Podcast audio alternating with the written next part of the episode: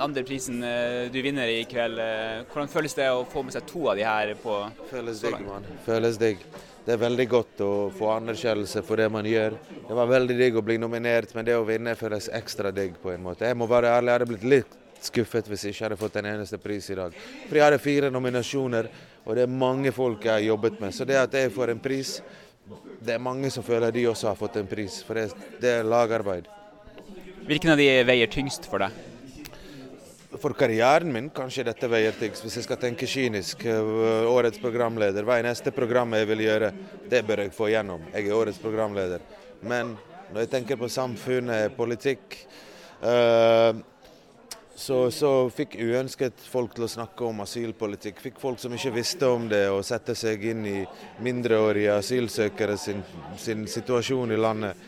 Og ja, det, det, følte, det, er to forskjellige følelser. Her er mer glede. Den andre prisen er mer hele følelsesspekteret. Du, eh, du, nevnte du via prisen til minoriteter i takketalen din. Ja. Hvordan syns du NRK jobber med minoritetsspørsmål? Det har blitt bedre og bedre og bedre. Og bedre og bedre. Og det er nesten som om og I år er det mer steder på agenda. Eh, ofte så har steder som militære, som utdanning, sånne Jeg skal ikke kalle det ord, men ting, saker på agenda. Kanskje psykisk helse er viktig ett år, og så kjønnsdiskriminering, og så det ene og det andre. Men mangfold er et viktig ord i år. Og Det jobbes flere steder med å minne folk på om hvor viktig mangfold er. på en måte. Og Det er ingen mangfold uten mange minoriteter. Så.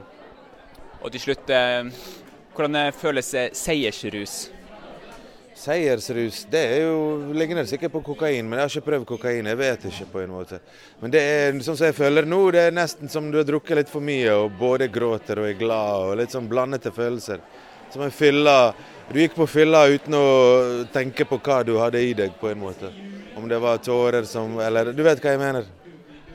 Så ja. Så dagens rus er fylla med mye følelser. Sånn føles det. Gratulerer, da. Kos deg kveld.